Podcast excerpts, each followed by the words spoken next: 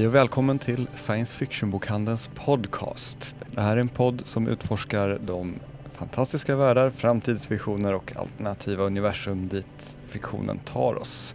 Jag heter Petter Jag heter Jenny. och det är söndag idag. Ja, vi gör ett specialprogram. Ja, vad kul för oss och Ja. för er. Eh, Det är faktiskt så att vi hade besök i butiken av Stefan Högberg från Kvinnliga krigare. Just det, just det. Podden Kvinnliga krigare alltså. Exakt.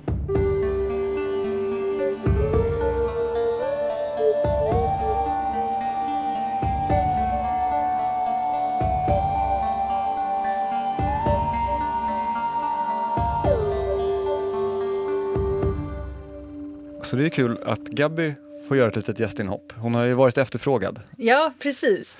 Eh, Minst en person har henne som favovärd. Yes. Eh, Det här programmet släpps alltså den 8 mars som är den internationella kvinnodagen. Precis. Och det är därför som vi har haft eh, Stefan Högberg på besök. Och han och Gabby pratar då alltså om kvinnliga krigare i fantastiken och deras motsvarigheter eller inspirationer i verkligheten. Låter superspännande. Jag har inte hört det här själv så att Det har jag. Det var äntligen ska jag få jättespännande. höra ett eget avsnitt. Liksom. Så det här är ett extra avsnitt. Vi är tillbaka som vanligt på torsdag med ett vanligt avsnitt. Och då blir det pandemier. Japp. Det blir jättepassande. Men här kommer Gabby och Stefan Högberg. Ja, hej och välkomna till eh, Science Fiction-bokhandelns samarbete med Stefan Högberg och Kvinnliga krigare. Vi tänkte prata om just kvinnliga krigare i fantastik och historia. Ehm, och jag tänkte att jag börjar med att låta Stefan Högberg presentera sig själv först. Tack så mycket. Ehm, ja, jag heter alltså Stefan och började blogga från början, i början av 2014 om kvinnliga gränsöverskridare under medeltiden i och med att det var förvånansvärt, tror jag på att säga, få som kände till allt vad kvinnor gjorde under medeltiden för att nu uttrycka det lite kortfattat. Och eh, den här bloggen höll på ett tag. Eh, 2017 så kom den första boken på samma ämne. Och sedan så blev det en podcast och eh, även andra delar av historien än medeltiden. Jag skulle bredda det hela lite grann där helt enkelt. Och vid det här laget har det blivit tre böcker som ni ser. Ja, och eh, jag heter Gabriella, jag jobbar här på bokhandeln och eh, är ibland med i våran podd, annars är det Jenny som är det. Vi spelar för övrigt in det här så det kommer gå att höra sen från och med mars tänkte vi sända det. Eh, jag har tyckt länge att det här vore en kul idé för det är många, eh, lite som Stefan sa om kvinnliga, kvinnor under medeltiden och i historien så även i fantastiken. Eh, Joanna Russ, science fiction-författare, gav ut en intressant satirisk eh, ja, bok om att skriva som räknar upp en massa anledningar varför kvinnor inte kan skriva. De, de har inget att säga, de har aldrig funnits, alla har sagt det förr, det här var så tråkigt och så går hon igenom. Och det här skrev hon på 70-talet och så pratar hon också mycket om hur kvinnor liksom glöms bort i litteraturhistoria. Vilket när jag cirka 2010 gick en kurs på Södertörn om litteraturhistoria var precis vad lärarna sa. Ja men de brukar plocka bort kvinnorna, alla bestsellers här fanns ju olika svenska författarinnor som skrev mer, sålde mer än Strindberg, trilla bort ur historien. Men i fantasy och science fiction så finns det ändå en del och vi ville lyfta fram några och också deras ja, historiska motsvarigheter. Så det tänkte vi göra i det här samtalet lite grann och det är verkligen, man hinner bara med ett litet, litet fåtal. En av de författare och bokserier som jag, jag tyckte var aktuellt också för att Stefans liksom, specialområde är medeltiden är Catherine Cares Devery-värld som helt enkelt innehåller så många kvinnliga krigare, drottningar, eh, barder, prästinnor och som gör saker och har makt av olika slag i en, för att vara fantasy då, rätt eh, realistisk medeltida världsbygge att det är svårt att välja bara en. Huvudpersonen heter Jill, hon är kanske den minst realistiska för hela hennes roll har aldrig funnits i Europa. Hon är egentligen vad man skulle kalla en soldat eller en krigare som har förlorat sin ära och måste nu vara en så här uh, legoknäckt, vilket är väldigt ovanligt. Oftast så är de då hederslösa män.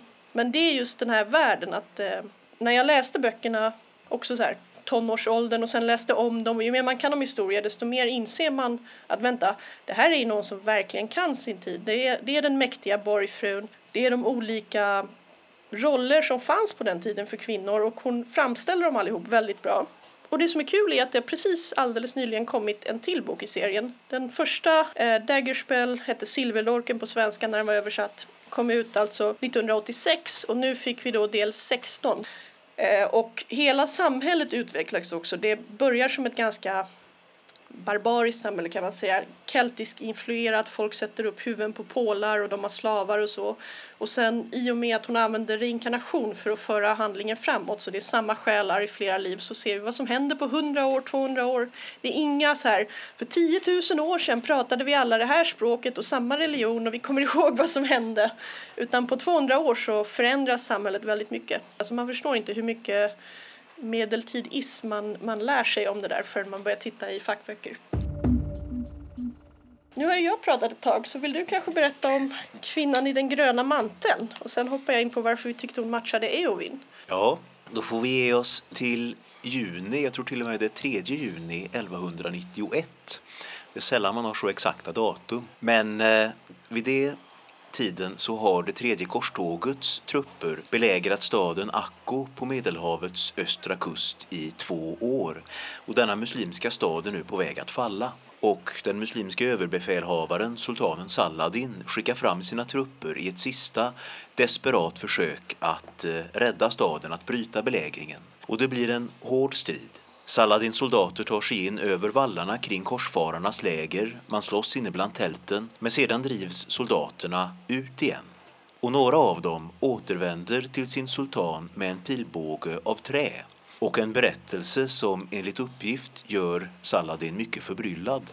Den här uppgiften kommer ifrån två håll. Två av Saladins närmaste män, sekreteraren Imad ad-Din och rådgivaren Baha ad-Din, som båda skulle skriva en krönika om Saladins regeringstid. Mest detaljer får vi av Bacha som säger att han har pratat med en av de soldater som kom med bågen. En soldat som han beskriver som en mycket intelligent gammal man. Och vad mannen berättar är följande. Han tog sig fram mot vallarna kring lägret, tog sig upp över vallarna, kom ner på fötter inne bland tälten och fick till sin förvåning se en kvinna i grön mantel beväpnad med den här pilbågen som sköt pil efter pil och också sköt ner flera av Saladins soldater innan man till slut var tillräckligt många över vallen för att kunna övermanna och döda henne. Och den här berättelsen är intressant på många sätt, eh, inte minst för att den troligen är den bäst belagda eh, skildringen av en kvinna som deltar i strid under medeltiden. För vi har alltså inte det här bara från en källa utan från två, två olika krönikor. De här krönikörerna var visserligen inte på plats där, där kvinnan dök upp, vilket hade varit det bästa. Men de är i alla fall bara sådär några timmar efteråt som de får de här uppgifterna. Annars när det gäller antiken och medeltiden kan det ofta vara att någon skriver om något som hände för 200 år sedan eller någonting sånt där. Så två timmar är en klar förbättring. Och dessutom så gagnar inte skribenterna sin egen sak när de skriver om detta. För alla kulturer som var inblandade i korstågen satte starka likhetstecken mellan manlighet och krigföring. Så när man beskriver hur en kvinna mejar ner de egna trupperna så blir det en slags antipropaganda vilket lite grann höjer trovärdigheten. Så jag skulle säga att de här uppgifterna är lika trovärdiga som något annat vi har ifrån medeltida historia. Och vad kan vi då säga om, om den här kvinnan utifrån de uppgifterna? Jo, jag vet inte ifall någon av er har försökt skjuta med en medeltida stridsbåge någon gång. Jag fick försöka vid ett tillfälle och det var ren tur att någon överlevde, höll jag på att säga. För det här är inte det lättaste. Till att börja med så ska man spänna bågen och för att kunna göra det behöver man använda muskler som man varken nu eller under medeltiden hade till vardags så att säga. Det tar ett bra tag att bli tillräckligt stark för att både kunna spänna den och sen också hålla den tillräckligt stadigt för att kunna sikta. Sen måste man också kunna sikta och för att kunna göra det som den här kvinnan ska ha gjort, skjuta om och om igen, behöver man också en ganska rejäl uthållighet. Ehm, lägg till det att hon ska ha fortsatt skjuta trots att fienderna sprang rakt emot henne och till slut tog död på henne, så är det också en rejäl psykisk styrka. Så allt sammantaget så är det knappast så att det är första gången som hon plockar upp en pilbåge. Hon är veteran i någon bemärkelse.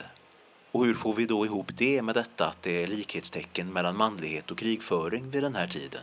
Jo, det finns två saker som verkar kunna bryta den kopplingen. Dels stark kollektiv ilska, om vi till exempel tar Stora bondeupproret 1381 i England så deltar kvinnor där i stridigheterna när bönderna reser sig mot överheten.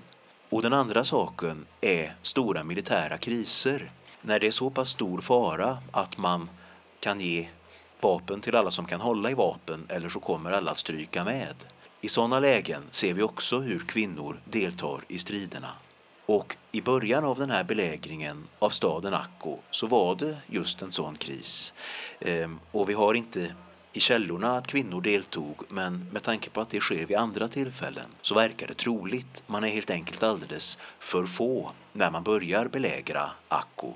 Senare får man förstärkning över Medelhavet. Men det är alltså tänkbart som en hypotes att kvinnor där i början deltar i striderna, inte minst med pilbåge i hand med tanke på att det var en klar poäng att ha så många som möjligt som besköt angripare som stormade fram emot lägret. Det kan vara där som den här kvinnan så att säga börjar lära sig detta. Två år senare när hon dyker upp i krönikorna så är hon i så fall rimligen så pass bra som hon också skildras att vara. Och även andra kvinnor vid den här belägringen ska ha deltagit i strid. Men för dem får vi inte några detaljer, vi får bara höra att någon har sett dem i praktiken. Men det skulle kunna vara att vi har så många kvinnor just där, skulle kunna vara just den här kopplingen till en militär kris. Sen finns det även andra kvinnor som dyker upp i strid under medeltid men det är intressant tycker jag att ta just kvinnan i grön mantel i och med att trots att vi får ganska lite om henne så kan vi ändå säga ganska mycket. Eller i alla fall ha många hypoteser. Och eh, jag tänker att den här publiken här, ni känner till Eowyn kanske allihop? Är det någon som inte har koll på Sagan om ringen? Ja, en. Men eh, hon är... Eh, jag kommer alltså inte dra hela synopsis av vad Sagan om ringen är tänkte jag framförallt. Men hon dyker ju upp i bok två, De två tornen och har sin stora roll i det slutgiltiga slaget som absolut är en, eh, en militär kris eftersom som, nu är det ju också så att Sagan om ringen-böckerna är ju inte skrivna av Tolkien som vi vet utan de påbörjades av Bilbo och fortsattes av Frodo i den röda boken. Och sen har de översatts av herr professor Tolkien till engelska som också har anpassat namnet så egentligen hette hon inte riktigt Eowyn. Eh, så det, om någon tycker att det finns vissa saker som kanske inte stämmer så är det säkert sånt som har trillat bort när det har översatts från kopierats som det ofta gör. Men eh, det är ju helt enkelt en slag för att eh, rädda världen under Mordors horder och alla vet att det hänger egentligen på att eh, Frodo och Sam kommer till vulkanen och släpper ner ringen. Men om alla dör innan dess då, då har de ju liksom inte så mycket att rädda. Eh, och de måste dessutom vilseleda Saurons styrkor. Och det, det Eowyn gör är ju att tillsammans med eh, Hoben Mary uppfylla en gammal profetia om den odödlige och odöde häxkungen av Angmar där en eh, alvisk profet en gång sa att han kommer inte falla för någon mans hand. Och det här är inte, alltså Sagan om ringen är inte som om man till exempel tittar på David Eddings profetier som är väldigt bokstavliga och styr hela skeendet utan det är mer av den typen du hittar i grekiska myter och även kanske i våra historier att man tittar på saker lite i efterhand och säger ah men det här, det här passar ju in på någonting. För att det är inte en magisk kraft som fyller vare sig Merry eller Eowyn utan det som händer är att hon rider ut i strid. Hon är eh, förklädd för att rädda sitt folk. Hon är ju en sköldmö av Rohan. Hon är tränad i strid men hennes far och hennes bröder låter henne inte gå ut på riktigt. Eh, men hon smyger sig med och hon kan ju, det, det är också så här, hon Tolkien kunde sin historia och visste att du plockar inte upp ett svärd och vänder striden om du inte har gjort det förut. Du måste ha tränat i det.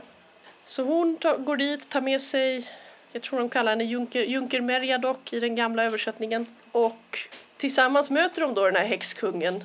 Och hon, hon säger i filmen väldigt dramatiskt I am no man. Det är lite, det är lite längre i, i boken för tolken uttryckte sig lite finurligare. Men eh, han är ju ingen människa, alltså ingen man. Och hon är en kvinna, ingen man. Och tillsammans kan de då få omkull honom. Som är en, alltså han är ju en jättegammal eh, ande egentligen som har fallit till Sauron. Och när de gör det så, också om ni kommer ihåg filmen, så går det ju någon slags våg genom alla de onda krafterna, lite, lite svagare än vad som händer när ringen förstörs. Eh, så det är, en, det är en stark symbolhandling men hela vägen dit, det får man inte se riktigt i böckerna eller i filmerna som inte hinner det är inte den typen av fantasy som hackar sig igenom varje slag. Sen är ju också Eowyn känd för all Ja, det sjungs sagor om henne. Hon är den vita damen av Rohan. Hon kommer från det här hästfolket. De lever väldigt tydligt i en medeltida värld. Ett klansamhälle där det är hennes ja, hennes blodsband som gör att hon överhuvudtaget har fått den här träningsmöjligheten. Men det som för henne ut i en riktig strid det är helt enkelt att hon måste slåss för annars kommer de gå under allihop. Och hon är en av de få tränade kvinnor de har. Då hoppar vi lite i tiden och eh, i platsen också. Från England och eh, Mellanöstern till eh, Japan, Frankrike och Sverige. Vi ska presentera Lady Oscar och Ulrika Eleonora Stålhammar. Jag tänkte det här kanske är en serie som folk har lite mindre koll på än Tolkien. Hur många känner till mangan Rosen av Versailles? Ja, det är en historisk eh, manga, alltså historisk fantasy i tillvida att huvudpersonen inte fanns på riktigt. Men den utspelar sig vid Marie Antoinettes hov och den börjar med att eh, Oscar François de Jarrey är den sjätte dottern till en mycket högt uppsatt adelsman som i total förtvivlan säger nej, nu får det vara nog, jag får ju inga söner så det här, den här lilla bebisen, den här flickan ska bli min son, det här är Oscar. Och alla köper det, för det är en berättelse. eh, så Oscar tränas upp som eh, ja, kunglig gardist eller något sånt där och när då den unga drottningen, jag tror hon är 14 eller någonting, jag minns inte hur gammal Marie Antoinette var när hon kom från Österrike till Frankrike. Då tycker ju alla att men perfekt, här har vi en ung, skicklig eh, adelskrigare, jättebra, det här blir drottningens livvakt. Och så börjar serien med att vi har Marie Antoinette i hovet, det är intriger och alla är kära i Oscar också. Eh, den här mangan är väldigt, väldigt stilbildande. Om ni känner till anime och manga som Utterna, Sailor Moon och via dem också in i sådana serier som Steven Universe så är det Rosen av Versailles som var liksom kanske den första som kodifierade väldigt mycket av det här ah, att man har stiliga kvinnor som andra, både unga kvinnor och unga män, beundrar och avdyrkar. Men eh, sen fortsätter historien och alla vet vad som hände med Marie Antoinette och det franska hovet. Och Oscar dras både i, i sin egenskap av kön, är hon en kvinna eller är hon en man? Hon är kär i olika personer. Eh, vi har en svensk person som dyker upp, Axel von Fersen, som historiskt var eh, älskare till Marie Antoinette och även är med här i serien. Vi har även Oscars barndomsvän André, en, jag tror han är någon slags stallknäckt eller någonting egentligen som hon är kanske kär i, kanske inte, men samtidigt vill hon ju hävda sin position. Det är inte så mycket en queer-serie på det sättet att Oscar någonsin undrar om hon är en man eller kvinna utan det är mer att hon känner sig fångad i de rollerna. För om hon lever som man så kan hon inte få utlopp för sina känslor men lever hon som kvinna så tappar hon väldigt mycket av sin frihet. Sen eh, författaren Yoko Ikeda väver också in mycket av handlingen ur eh, drottningens juvelsmyckeskandalen som är ganska komplicerad men det handlar av en eh, total bluffmakare egentligen. Grevinnan de la Motte och lite andra människor som blåser några juvelerare och franska hovet på ett diamanthalsband värd, alltså i dagens summa typ en halv miljard eller något så här. Fantastiskt mycket pengar. Vilket såklart upprör den utfattiga, arga befolkningen. Det sprids rykten och vi följer figurerna hela vägen till Marie Antoinettes eh, död och avrättning. Och Oscar byter också på sätt och vis sida och går med de här, inte de mest extrema krafterna i Frankrike då, men de liberala som är för folkets frihet och där hon själv är så här, men jag, jag vill vara fri, jag vill ha rätt att leva liksom mitt liv utan att vara fast i det här stela samhället. Och allting slutar i vacker tragedi, för det gjorde många från 70-talet. Eh, men den är jätteintressant. Den har precis kommit ut på engelska. Jag eh, tror jag sagt det här i vår podd förut, men jag brukar säga att manga som genre är inte mer sexistisk än romaner som genre, för det är lika brett. Däremot så är manga-utgivning ofta ganska sexistisk, framförallt översättning. Det är nämligen ett väldigt smalt urval av vad som finns i Japan som kommer ut på engelska och vad som promotas. Och att en av de här riktigt stora, eller flera av de riktigt stora shoujo-mangorna, alltså manga med eh, kvinnlig målgrupp, har inte översatts trots att man har tryckt klassiker sedan 80-talet i stort sett är lite konstigt, ger också en lite skev bild av så att säga vad är manga för de som är mer intresserade. Men eh, nu har den kommit, äntligen, jättefin utgåva.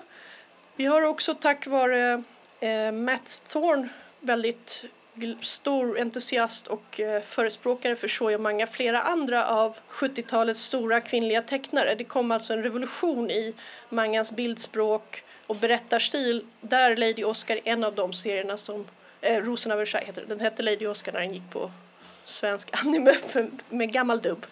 Men eh, det hände mycket med serierna och nu finns de, eh, Motohagi och en del andra har kommit ut på engelska vilket är jättekul. Den har funnits i Frankrike i många år för de gillar den. Och då ska vi titta på Oscars eh, historiska motsvarighet, eller en av dem skulle jag säga. Precis. Och då får vi bege oss till 1688 och eh, eh, säteriet Stensjö i Småland. För där föds nämligen en kvinna i lågadeln som heter Ulrika Eleonora Stålhammar. Och hon är, ska tidigt ha varit mest intresserad av vapen, jakt, hästar. Och folk tyckte det var synd att hon inte fötts som man, för som kvinna kunde hon inte ägna sig åt sådana saker. Men det eh, går inte så bra för familjen utan eh, det är många skulder. När fadern dör så förlorar de det här säteriet och eh, Ulrika Eleonoras systrar måste gifta sig långt under sin sociala ställning med vanliga korpraler och trumpetare och den sortens människor. Ehm, och detta vill tydligen inte Ulrika Eleonora vara med om. Men samtidigt så finns det inte så värst många andra alternativ för en kvinna i den situationen. Och där är just nyckelorden för en kvinna i den situationen. För Ulrika Eleonora ger sig av mot Stockholm där hon menar att hon ska kunna försörja sig. Det säger hon i alla fall till sin familj. Men på väg dit så byter hon kläder, hon tar på sig manskläder, kallar sig för Wilhelm Edstedt och eh, gör som man eh, entré i Stockholm ehm, och eh, försöker överleva i huvudstaden. Det går först inte något vidare bra. Sedan så får hon faktiskt ett sånt jobb som en kvinna inte hade kunnat få, nämligen som taffeltäckare. Det som ska alltså duka bordet för en rik familj. Det är faktiskt landshövdingefamiljen i Åbo som är på Stockholms besök och anställer honom, får jag säga nu.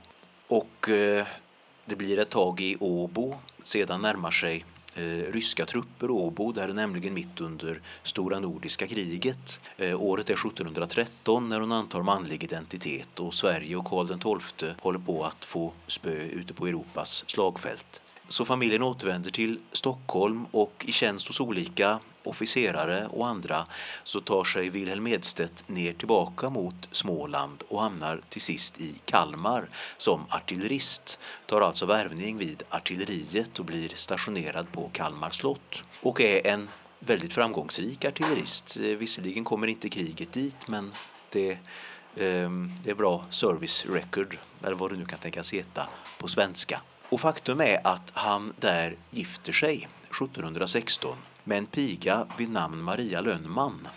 Skriver ett brev till Maria för att fria till henne och eh, Maria kan inte läsa, för det kunde vanligen inte pigor, utan går med brevet till prästen som får läsa upp detta, vilket måste ha blivit en smått pinsam situation när hon inser att det är ett frieri som hon kanske inte egentligen hade tänkt avslöja för prästen i första taget. Men eh, där, först är hon inte med på noterna, men efter att Wilhelm har legat i ett tag så ångrar hon sig och eh, det blir verkligen ett giftermål. Och här kan man tycka att Wilhelm borde vara ute på ganska hal is.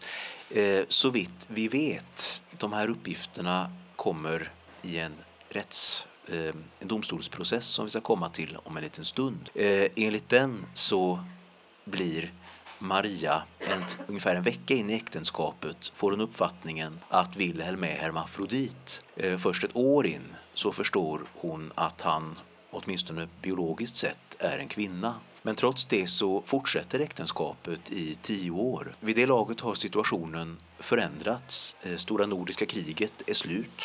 Wilhelms släktingar har, åtminstone en av dem, systern Katarina, har fått reda på vad som pågår och skriver ett brev där hon förebrår Wilhelm, vilket ska ha tagit honom hårt. Eh, dessutom är det kanske så att hans hälsa börjar vackla och för en soldat som började bli lite äldre så var det inte nödvändigtvis lätt att försörja sin familj. Vi vet inte riktigt vad som ligger bakom, men 1726 så beger sig Wilhelm till Stålhammar Ettens överhuvud, fru Sofia Drake på Salshult, eh, änka till en av de främsta Stålhammar-släktingarna. Och säger det att hon vill, han vill bli Ulrika Eleonora Stålhammar igen. Det här tar sig fru Drake an och det är inte det lättaste. Hon inser det att det, ifall inte Ulrika Eleonora ska behöva se sig om över axeln resten av sitt liv så behöver man göra upp med svenska staten. Hon ser till att Maria Lönnman, hus hustrun, Maria Edstedt vid det laget, hämtas till Salsult och får vara i säkerhet där medan Wilhelm skickas till släktingar i Värmland där han under hela två år får lära sig att vara kvinna igen. Det är lite oklart exakt vad som ingick under dessa två år men vi kan väl tänka oss maner, röst, eh, uppförande överhuvudtaget, kroppsspråk kanske. Eh, och av det kan vi ana att fru Drake menar att när väl hon står framför eh, staten så måste Ulrika Eleonora vara synnerligen kvinnlig enligt kulturens uppfattning om vad kvinnlig är. Annars kommer det här inte gå bra. Trots de här två årens övning så får Ulrika Eleonora, återigen kvinna, ge sig av till Danmark och därifrån skriva till eh, rättsväsendet i Sverige. Om allting slår bakut så ska hon vara i säkerhet i ett annat land. Nu slår det inte bakut, i alla fall inte till en början, utan man bestämmer sig för att ta upp detta i rådhusrätten i Kalmar. Och där tycker man att det här är ett fruktansvärt brott. Det är bara det att man inte kan hitta någon eh, någon lag som säger varför det är ett fruktansvärt brott. Så man skickar vidare det till nästa instans, till Göta hovrätt i Jönköping. Och där tycker man också att det är ett fruktansvärt brott. Man hittar inte heller någon lag. Så man plockar fram femte Mosebok. Där det står att om en kvinna klär sig i manskläder är det en styggelse och hon måste omgående avrättas. Eh, men mer moderata röster där i rätten säger det att nu har ju faktiskt Ulrika slash Wilhelm varit en väldigt bra artillerist. Tjänat sitt land, inga som helst klagomål. Det är en förmildrande omständighet. Jo, säger de som är lite mer drakoniska, men så har hon ju gift sig med en annan kvinna. Ställt naturens ordning på huvudet, lurat prästen. Detta kräver absolut dödsstraff. Men, invänder de mer moderata, det här var verkar ha varit ett väldigt kyskt och bra äktenskap. När Maria Lönnman vittnar så får hon rent ut frågan ifall de har haft sex och svarar då nej. Och med tanke på att dödsstraffet hänger i luften så är det kanske inte så konstigt att hon säger nej. Ehm, men det, samtidigt som det här pågår så drar släkten Stålhammar i alla trådar bakom kulisserna. Det blir ett ganska milt straff till att börja med och sen går självaste kungen Fredrik den förste in och mildrar straffet ännu mer. Det blir en månads fängelse för Ulrika Eleonora och åtta dagars fängelse för Maria för att hon inte har anmält det här brottet. Jämför vi med att åtminstone två kvinnor under 1600-talet avrättades efter att ha antagit manlig identitet så är det ett ganska milt straff. Däremot efter att det här är avtjänat och klart så kan inte förhållandet mellan Ulrika Eleonora och Maria fortgå utan Maria får vara kvar på Salsult i tjänst hos fru Drake medan Ulrika Eleonora hamnar hos andra släktingar i Hultsjö socken i Småland. I alla fall så pass nära att man kanske kan hoppas att de kunde hälsa på varandra då och då. Men Ulrika Eleonora avlider redan fyra år efter rättegången vilket har lett till de här spekulationerna att det kanske är vacklande hälsa och oro för Marias framtid som gör att hon går igenom allt detta med att göra upp med staten och så vidare. Maria fortsätter där på Salsult och lever hela 28 år till. Ehm, och där är väl kanske den mest kända berättelsen om just den kvinna som antar manlig identitet. Men det är långt ifrån den enda, är ganska viktigt att påpeka. Vi känner till i alla fall 20 Eh, exempel i Sverige och, en, eh, och då är vi från 1600-tal och fram till 1800-tal. En nederländsk undersökning av historikerna Decker och van der Poel hittade 120 nederländska kvinnor i källorna som avslöjas efter att de antagit manlig identitet från 1600-tal till 1800-tal, 1500-tal eh, till 1800-tal rent utav. Och man kan ju då fråga sig hur många det var som aldrig avslöjades. Och överhuvudtaget kring de här, nog kring många av de här så kan det nog vara det som vi idag kallar för könsöverskridande identitet och så som ligger bakom. Men det fanns också andra motiv som näst, idag nästan helt har försvunnit. Som jag tänkte på när du, du sa detta eh, med att Oskar vill ha kvar sin frihet eh, och så här som han ändå har haft som man. Och där var, vi ska komma ihåg det, att allt från att man kunde jobba med bra mycket mer saker som man än som kvinna till sådana enkla saker som att man kunde röka och dricka sprit eh, utan att få dåligt rykte som man. En kvinna som rökte och drack sågs snart ganska snett på. Så det var en oerhört mycket större frihet om man antog en manlig identitet, vilket nog också kan ligga bakom en hel del av de här fallen. Eh, och det är ju, alltså en av de stora skillnaderna med Oscar mot den verkligheten är att här, här jobbar hon ju för liksom eh, Eh, det franska kungahuset, den absolut högsta position man kan få utan någon riktig förklaring hur de kommer undan med det. För även om det var mycket sex och korruption bland aristokratin så fanns det ju lite gränser och Oscar dansar även i en väldigt tidig scen, jag tror det är första eller andra animeavsnittet i klänning med eh, ja, bland annat Marie Antoinette, det är en så här hovsak där någon inte har hälsat och alla är sura på varandra. Ehm, så det, det, finns en mycket större frihet i berättelsen i att leka med identiteter men kärnfrågan om vad får jag göra, vad kan jag göra och liksom när, när slutar jag vara eh, man eller kvinna i de här rollerna, den är kvar, den problemet är kvar. Och det skrev också Ikeda efteråt att det här handlar mycket om den, ja, den japanska kvinnans egna identitet och växa upp och frågorna om vem jag är. Det är också, jag tänkte det du pratade om det kyska äktenskapet de hade. Jag upptäckte idag när jag kollade upp lite datum och sånt för Rosen av Versailles att det är tydligen den första manga med kvinnlig författare som innehöll en sexscen. Eller en, en sängscen där det inte var, gamla serier hade ofta väldigt eh, mycket symbolik. Det var lite så här vågor och snäckskal och saker.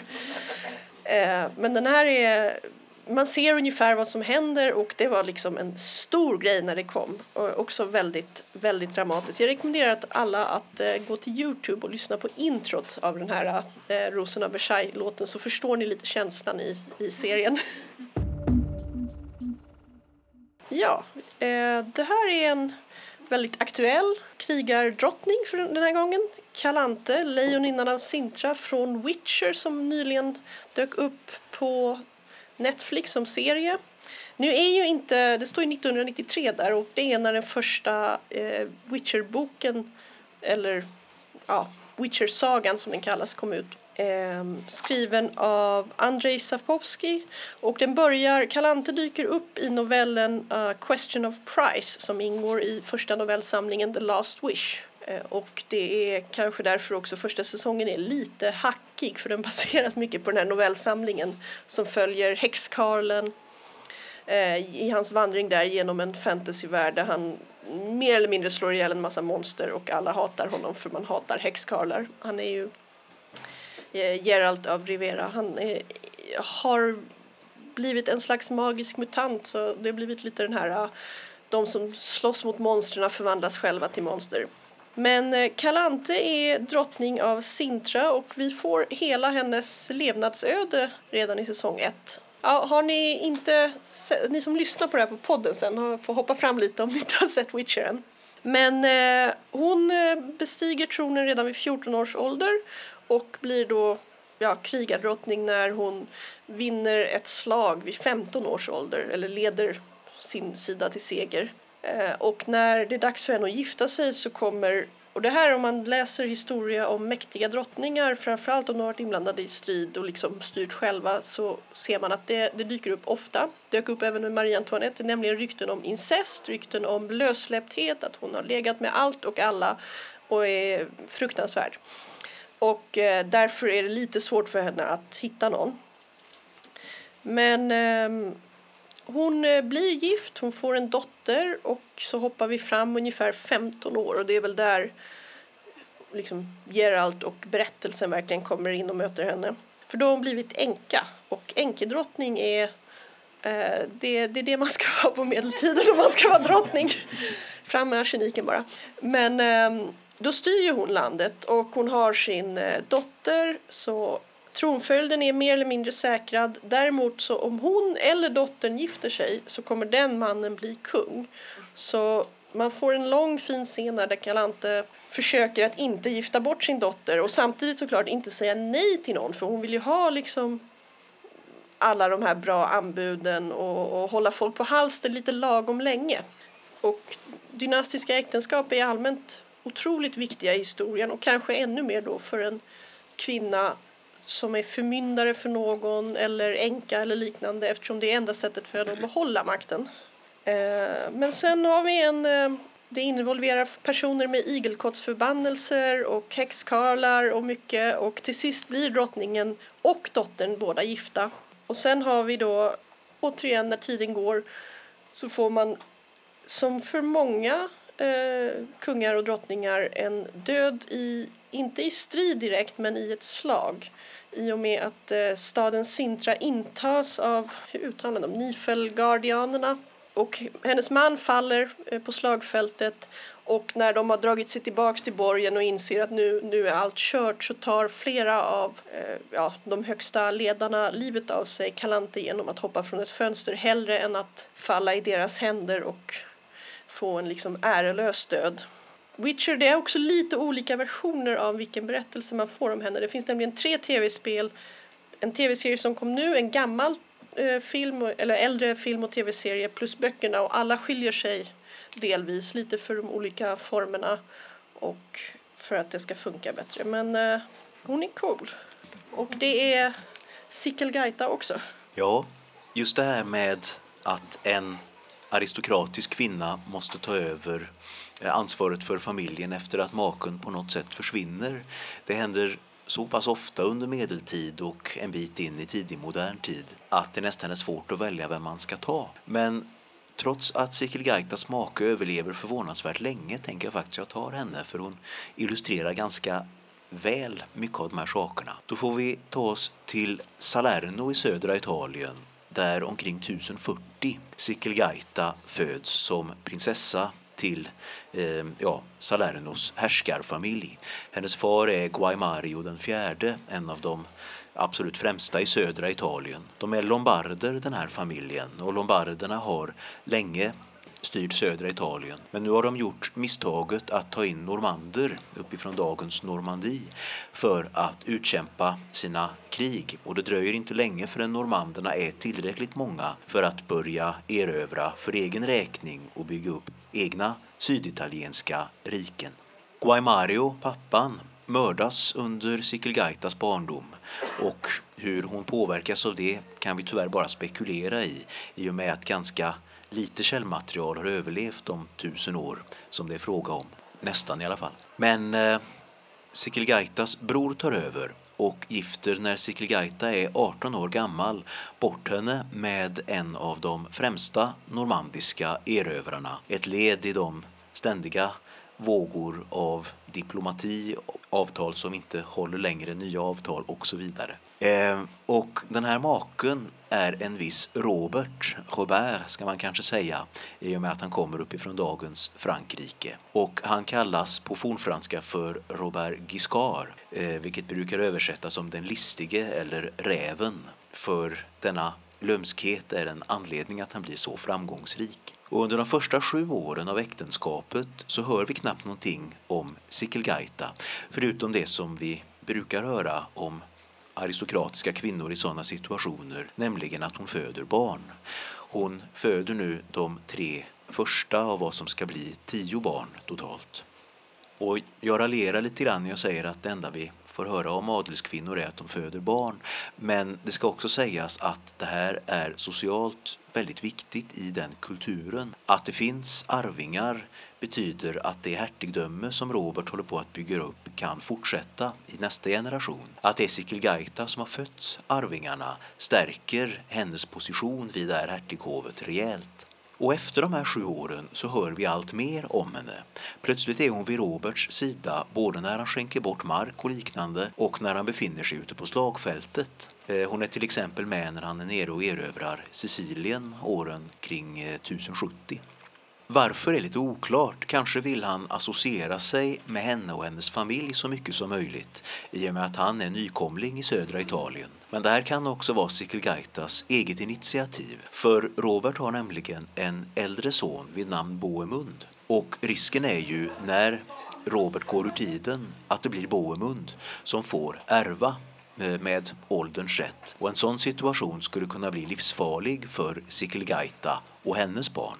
Det kan alltså vara så att hon ser till att vara makens högra hand för att inte Boemund ska kunna ta den positionen. Och eh, vi kan se år 1073 hur hon verkligen tar ett eget initiativ när Robert blir svårt sjuk och hon samlar de normandiska ädlingarna för att få dem att lova att det ska bli hennes son Roger, Rogero på italienska, som får ärva från den tiden finns också ett brev som har bevarats i krönikor, ett påvligt brev där påven stöder eh, Roger. Det märkliga är att det här brevet finns inte bland den utgående korrespondensen i Vatikanens arkiv, vilket kan bero på en slarvig arkivarie i Vatikanen. Men det kan också vara så att Sikilgaita har låtit förfalska det här brevet för att ge eh, en, ett sken av påvligt stöd som i själva verket inte fanns. För att göra en lång historia kort så tillfrisknar eh, Robert. Fyra år senare erövrar han Sikilgaitas hemstad Salerno eh, och det finns vissa tecken på att det sen är hon som styr Salerno vilket skulle vara logiskt så tillvida att det är hon som har legitimiteten i staden. Och 1080 så får vi uppgifter om att hon för befäl vid en belägring, belägring av staden Trani. Eh, möjligen för att hon är den enda Robert kan lita på i den situationen. Möjligen för att hon styr Salerno och det är Salernos stadsmilis som genomför den här belägringen. Den stora finalen kommer hur som helst. Nu ska vi se, vi kanske inte hinner med någon stor final. vi tar en kortversion av stora finalen. Eh, för Sikilgaita får nämligen en viktig roll när i slutet av sin erövrarkarriär Robert ska erövra det bysantinska imperiet. Det är inget fel på ambitionsnivån. eh, och då blir det ett stort slag vid Eh, Dyrakion heter staden. Eh, på andra sidan Adriatiska havet har man seglat över. Möter kejsar Alexios trupper där i ett stort slag och det här slaget börjar med att det bysantinska Väringagardet kastar sig framåt i vilt ursinne. Eh, det är nämligen så att gardet vid den här tiden består mestadels av anglosaxiska krigare som flytt från England efter att Wilhelm erövraren och hans normander har kommit dit och erövrat. Nu får de chansen att slåss mot andra normander och rusar framåt så ilsket att vänstra flanken i Roberts här ser vad som är på väg emot dem och helt enkelt vänder och springer åt andra hållet. Enligt bysantinska källor, de normandiska källorna kallar detta för en omgruppering. Hur som helst är det här en rejäl kris. Om en flykt har börjat så är den väldigt svår att få stopp på. Oftast förlorar man ifall ens här börjar springa. Den här delen av hären är dessutom på väg rakt ut i Adriatiska havet i tunga rustningar. Enligt den bysantinska krönikören Anna Komnena så ropar då Sikilgaita, som i vanlig ordning är där på slagfältet, åt de flyende att komma tillbaka och uppföra sig som män. De fortsätter bara att springa och hon ska då ta en rejäl lans och sätta av efter dem på hästryggen varvid soldaterna ser sig om över axeln, inser att deras hertiginna är bra mycket farligare än fienden och gör en slags U-sväng och kommer tillbaka till striden. Det här kan ifrågasättas på många olika plan. Det är knappast meningsfullt att skrika på ett medeltida slagfält för ingen hör något i alla fall.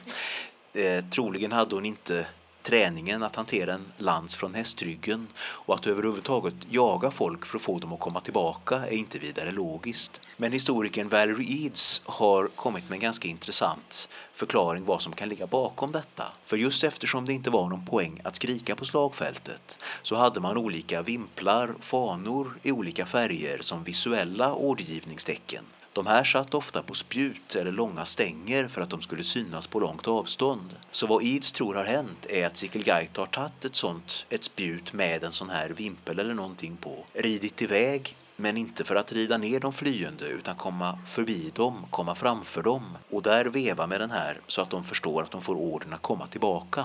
För vad alla källor är överens om är att det här verkligen flykten hejdas. Normanderna vänder tillbaka till slaget och då har Väringagardet kommit så långt framför de andra bysantinska trupperna att de blir omringade och nedgjorda. Sedan ska Sikelgaita ha varit med under ett sjöslag senare under kriget och efter Roberts död, han dör till slut i dysenteri 1083, så är det hon som under sex år tar över hertigdömet, sannolikt för att ordna den här övergången till sin son Roger. Hon lyckas göra någon slags Eh, avtal med Bohemund. Så 1089 är det mycket riktigt Roger som blir ny hertig och året därpå avlider Sikelgaita, 50 år gammal. Men vid, på medeltiden så var det en ganska bra ålder, trots allt. Vår eh, sista kvinnliga krigare kommer nog av de berättelser jag tagit upp här från den minst eh, så att säga, realistiska. Det är nämligen Nona Gray som vid åtta års ålder blir falskt anklagad för mord. Hon har det har dött folk, men inte riktigt så som de tror. Och sen skickas hon till ett kloster för mördarnunnor. Eh, där de i tio år tränar upp eh, bara flickor till att bli, eh, nu ska vi se, det fanns olika, det är krigarnunnor, lönnmördarnunnor eller typ mystiska nunnor med lite så magiska krafter eller de som faktiskt ägnar sig åt att be det är ganska mycket, om ni har läst Mark Lawrence någonting av honom, han har skrivit eh, ett par andra serier, Prince of Thorns och så, så är det rätt mycket liksom grimdark tv-spelslogik över hans världsbyggande. Vilket är kul, det är precis som Joe Abercrombie så är det inte böcker man läser för dess realistiska strävan. Eh, men Nona Gray är nämligen en så bra mördare att hon är liksom ännu värre än alla nunnorna egentligen. Hon har hemligheter i sitt blod och så det är typ mördarnunnor på Hogwarts lite grann, första boken.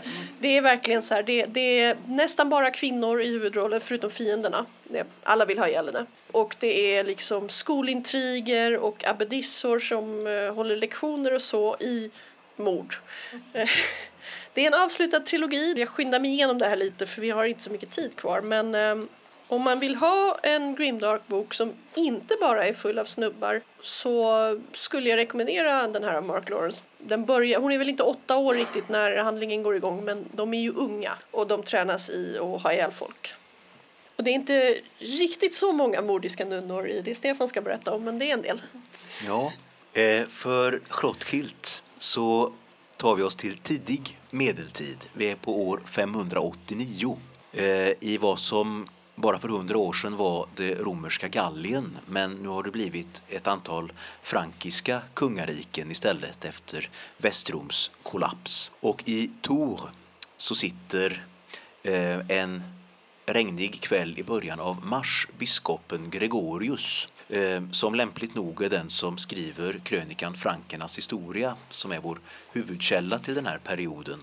Så det är väldigt ehm, trevligt att han är inblandad och faktiskt kan ta ner detta på papper. Ehm, han sitter där, kanske skriver han på Frankernas historia, kanske gör någonting annat, när det är något som bråkar nere i porten. Och en tjänare kommer in och säger att 40 nunnor från det heliga korsets kloster i Poitiers, 100 kilometer söderut, eh, har kommit dit och att deras ledare vill träffa honom. Och in kommer då den unga nunnan Schrottkilt som eh, kanske är 16-17 år. Hon har varit nunna i några år bara och då är man troligen i den åldern vid den här tiden. Hon säger i alla fall det att eh, abbedissan där i det heliga korsets kloster behandlar nunnorna oerhört dåligt. Både Hrothgild och hennes kompis Basina är nämligen nunnor av kungligt blod. De tillhör den merovingiska kungafamiljen som styr alla de olika frankiska rikena. Och trots det så får de eh, väldigt dålig kvalitet på mat och eh, kläder. De måste dela badrum med andra och eh, de måste dessutom göra som abbedissan säger. Vilket de inte alls hade tänkt sig. Och man, kan, man kan lite grann se Gregorius ögonbryn höjas mer och mer. Vad som inom parentes kan sägas är att abbedissan och dessa kungliga nunnor nog har olika bilder av vad ett kloster är. För kungligheter så kunde ett kloster mycket väl vara en politisk plattform, något man använde för familjens bästa när man väl avancerat till abbedissa själv. Så det är nog olika förväntningar här. Hur som helst så försöker Gregorius tala Hrothgild till rätta. Det går inte. Han hotar att exkommunicera henne, alltså kasta ut henne ur kyrkan, vilket skulle få stora både religiösa och sociala konsekvenser. Det lyssnar hon inte heller på. Det visar sig att biskopen i Poitiers Eh, redan har försökt tala de här nunnorna till rätta efter att Hrothgild och Basina startade ett väpnat uppror i klostret. 40 unga nunnor har svurit trohetsed till Hrothgild och beväpnat sig med köksknivar och vad som än finns tillgång till. Och när den här biskopen försöker tala dem till rätta så har de helt enkelt trampat ner honom i gårdsplanens lera på väg ut ur klostret. Och de har sedan troligen i fem eller sex dagar vandrat till fots upp till Tor eftersom alla i Poitiers var livrädda för dem och inte ville ge dem någon hjälp. Nu märker Gregorius, han kan inte få någon framgång här. Han får i alla fall Rothschild att lova att vänta till sommaren med att ge sig iväg för att skaffa hjälp hos sina kungliga släktingar, vilket är hennes plan. Men han kan inte hindra henne att när väl sommaren kommer ge sig av till kung Guntram eh, i Orléans och eh, Guntram säger att han ska hjälpa till, han ska skicka sina egna biskopar för att undersöka den här saken. Men de här biskoparna dröjer och framåt hösten så börjar hela rörelsen förlora rör, eh, här, momentum och Hrothgild och Basina tar då sina 40 nunnor tillbaka till Poitiers där man ockuperar Sankt Hilarius kyrka utanför staden och börjar rekrytera en armé. Enligt Gregorius så är det samhällets mest otäcka element som samlas kring nunnorna, snart ledda av den ökände krigaren Kilderik Saxaren. Man kan misstänka att det är utsikten att få plundra ett kloster som är dragande här. Sent på hösten så närmar sig dock faktiskt biskopar, hela fyra biskopar med sina följen. Men det är inte kung Guntrams stödbiskopar. Det här är Poitiers biskop som gör comeback efter att ha borstat av sig, höll jag på att säga. Och tre andra biskopar från omgivande biskopsdömen. Och det blir ett möte där inne i Sankt Hilarius kyrka där man återigen försöker tala nunnorna till rätta och när det inte går så exkommunicerar man dem en gång för alla. Det visar sig vara ett misstag att exkommunicera någon som står en meter bort och har en hel armé med sig inne i kyrkan. Gregorius skriver att snart så flyr biskoparna och deras tjänare ut ur kyrkan täckta av blod och med spräckta skallar, skriver han. Tärningen är kastad och 590, några dagar före påsk, så gör man ett nattligt överraskningsanfall mot det heliga korsets kloster och intar det, plundrar det, fängslar abbedissan Leubovera. Eh, och vid det laget har Poitiers statsadministration i princip upphört att fungera. Det är fullständigt kaos i staden. Hrothgild fungerar vid den här tiden som en krigsherre. Basina är trött på att inte få bestämma någonting själv och ta med sig en del av armén för att själv vara också krigsherre. Lev Bovera blir faktiskt fritagen av en för oss extremt mystisk kunglig agent vid namn Flavius. Detta trots att Hrothgild har placerat en man med svärd inne i Lev Boveras cell med order att döda abbedissan så fort det blir ett fritagningsförsök. Trots detta lyckas Flavius frita henne och vid det laget har Lev Bovera fått nog och skaffar själv en väpnad styrka det blir det är fullständigt krigstillstånd fram till att en av de merovingiska kungarna tycker att det kan räcka och skickar in sina elittrupper för att helt enkelt meja ner allt motstånd. Det blir eh, rättegång till sist när ordningen är återställd där Gregorius är med som en av domarna och nästan rapporterade ord för ord. Han verkar ha varit oerhört fascinerad över Rothschild och allt det här. Vi får därmed information om att Rothschild tar till allt kraftigare anklagelser mot eh, abbedissan Leo Bovera. Vid ett tillfälle pekar hon på en man klädd i kvinnokläder inne i katedralen där den här eh, rättegången hålls och säger att det är Leo Boveras älskarinna, som hon, eh, älskare, som hon har klätt i kvinnokläder för att kunna ha henne inne i klostret. Det här visar sig vara fullständigt felaktigt och alla genushistoriker i världen önskar att Gregorius hade skrivit lite mer om den här mannen i kvinnokläder som dyker upp plötsligt i katedralen.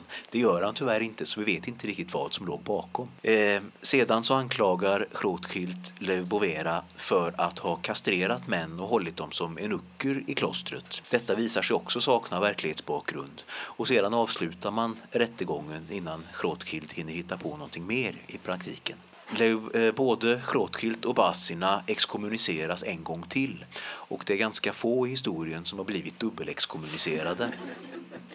Som började som nunnor dessutom. Ja, det slutar med efter ytterligare några utvecklingar att Bassina gör avbön och återvänder till klostret med Leo Bovera som abbedissa, vilket inte kan ha varit lätt. Eh, medan Rothschild helt enkelt vägrar att ge med sig på något sätt och hennes kungliga släktingar kommer inte liksom att göra något allvarligare mot henne när hon inte har vänt sig mot dem personligen. Så det slutar med att kungarna ger biskoparna order att lyfta exkommuniceringen och Rothschild får ett gods där hon kan leva resten av sitt liv som godsägare, vilket sannolikt passade henne bättre än nunna. Så Game of Nuns borde då vara nästa stora tv-serie helt enkelt. Så, det var den sista vi hann med nu. Men eh, vi tänkte kanske ta några frågor. Eftersom vi spelar in det här kommer jag upprepa alla frågor bara så det fastnar bättre på band. Är det någon som undrar något? Ja? Hur mycket vet vi egentligen om Boudica? Eh, frågan var hur mycket vi vet om Boudica. Alldeles för lite, tyvärr. Det är ett exempel på det här som jag var lite inne på att under medeltid och antik så är det ofta att de källor vi har är nedskrivna flera generationer senare. Så vi vet huvuddragen och det kan nog mycket väl stämma att en kvinna högt upp i så att säga det lokala samhället, eh, keltiska samhället efter Roms erövring av England mycket riktigt behandlades oerhört illa och ledde ett uppror. Men mycket av det som dyker upp, till exempel det att Bodica ska ha hållit ett stort brandtal till sina trupper inför den sista striden, för att ta bara ett exempel.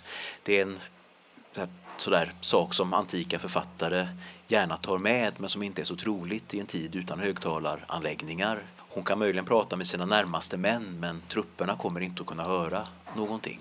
Så många av detaljerna måste vi tyvärr eh, snarare tilldela de, de romerska historieskrivarnas fantasi. Men huvuddragen kan nog mycket väl stämma. Dels har vi plockat fram eh, flera böcker och sen såklart Stefan Högbergs egna tre böcker. Eh, jag tänkte om du bara vill förklara lite mm. vad som är skillnaden på dem. För sen efteråt kommer man kunna få dem signerade. Den första som kom är just som det står medeltida kvinnor som ledare, konstnärer och soldater. Kvinnliga krigare heter boken. Och det är just då medeltida kvinnor som gjorde saker som vi kanske idag inte tror att medeltida kvinnor gjorde. Nu nu för tiden så blir det mer och mer känt att kvinnor har gjort saker i historien men möjligen kan man ändå hitta en del överraskningar i eh, den här vad gäller medeltida kvinnor. Och sedan så är det två stycken på samma tema, nämligen eh, där jag försöker föra fram eh, sju kvinnor i den första och åtta kvinnor i den andra som jag tycker är oförtjänt glömda. Den första heter Kvinnorna historien glömde. Den andra Svenska kvinnor historien glömde. Och som ni förstår så är det då världshistorien och den svenska historien som har fått vara jaktmark för att hitta de här kvinnorna. Det är tyvärr inte möjligt att göra någon slags tio i topp eller de, de glömda kvinnor som mest förtjänar att plockas fram. Det är alldeles för många för att något sånt ska vara möjligt. Men här är i alla fall ett axplock på spännande kvinnoöden som är alltför okända idag och som jag tror skulle vara bra mycket mer kända ifall de hade varit män och gjort samma saker. Allt från härskare till eh, upptäcktsresande, eh, uppfinnare och så vidare. Det bara fortsätter. Författare har vi med också.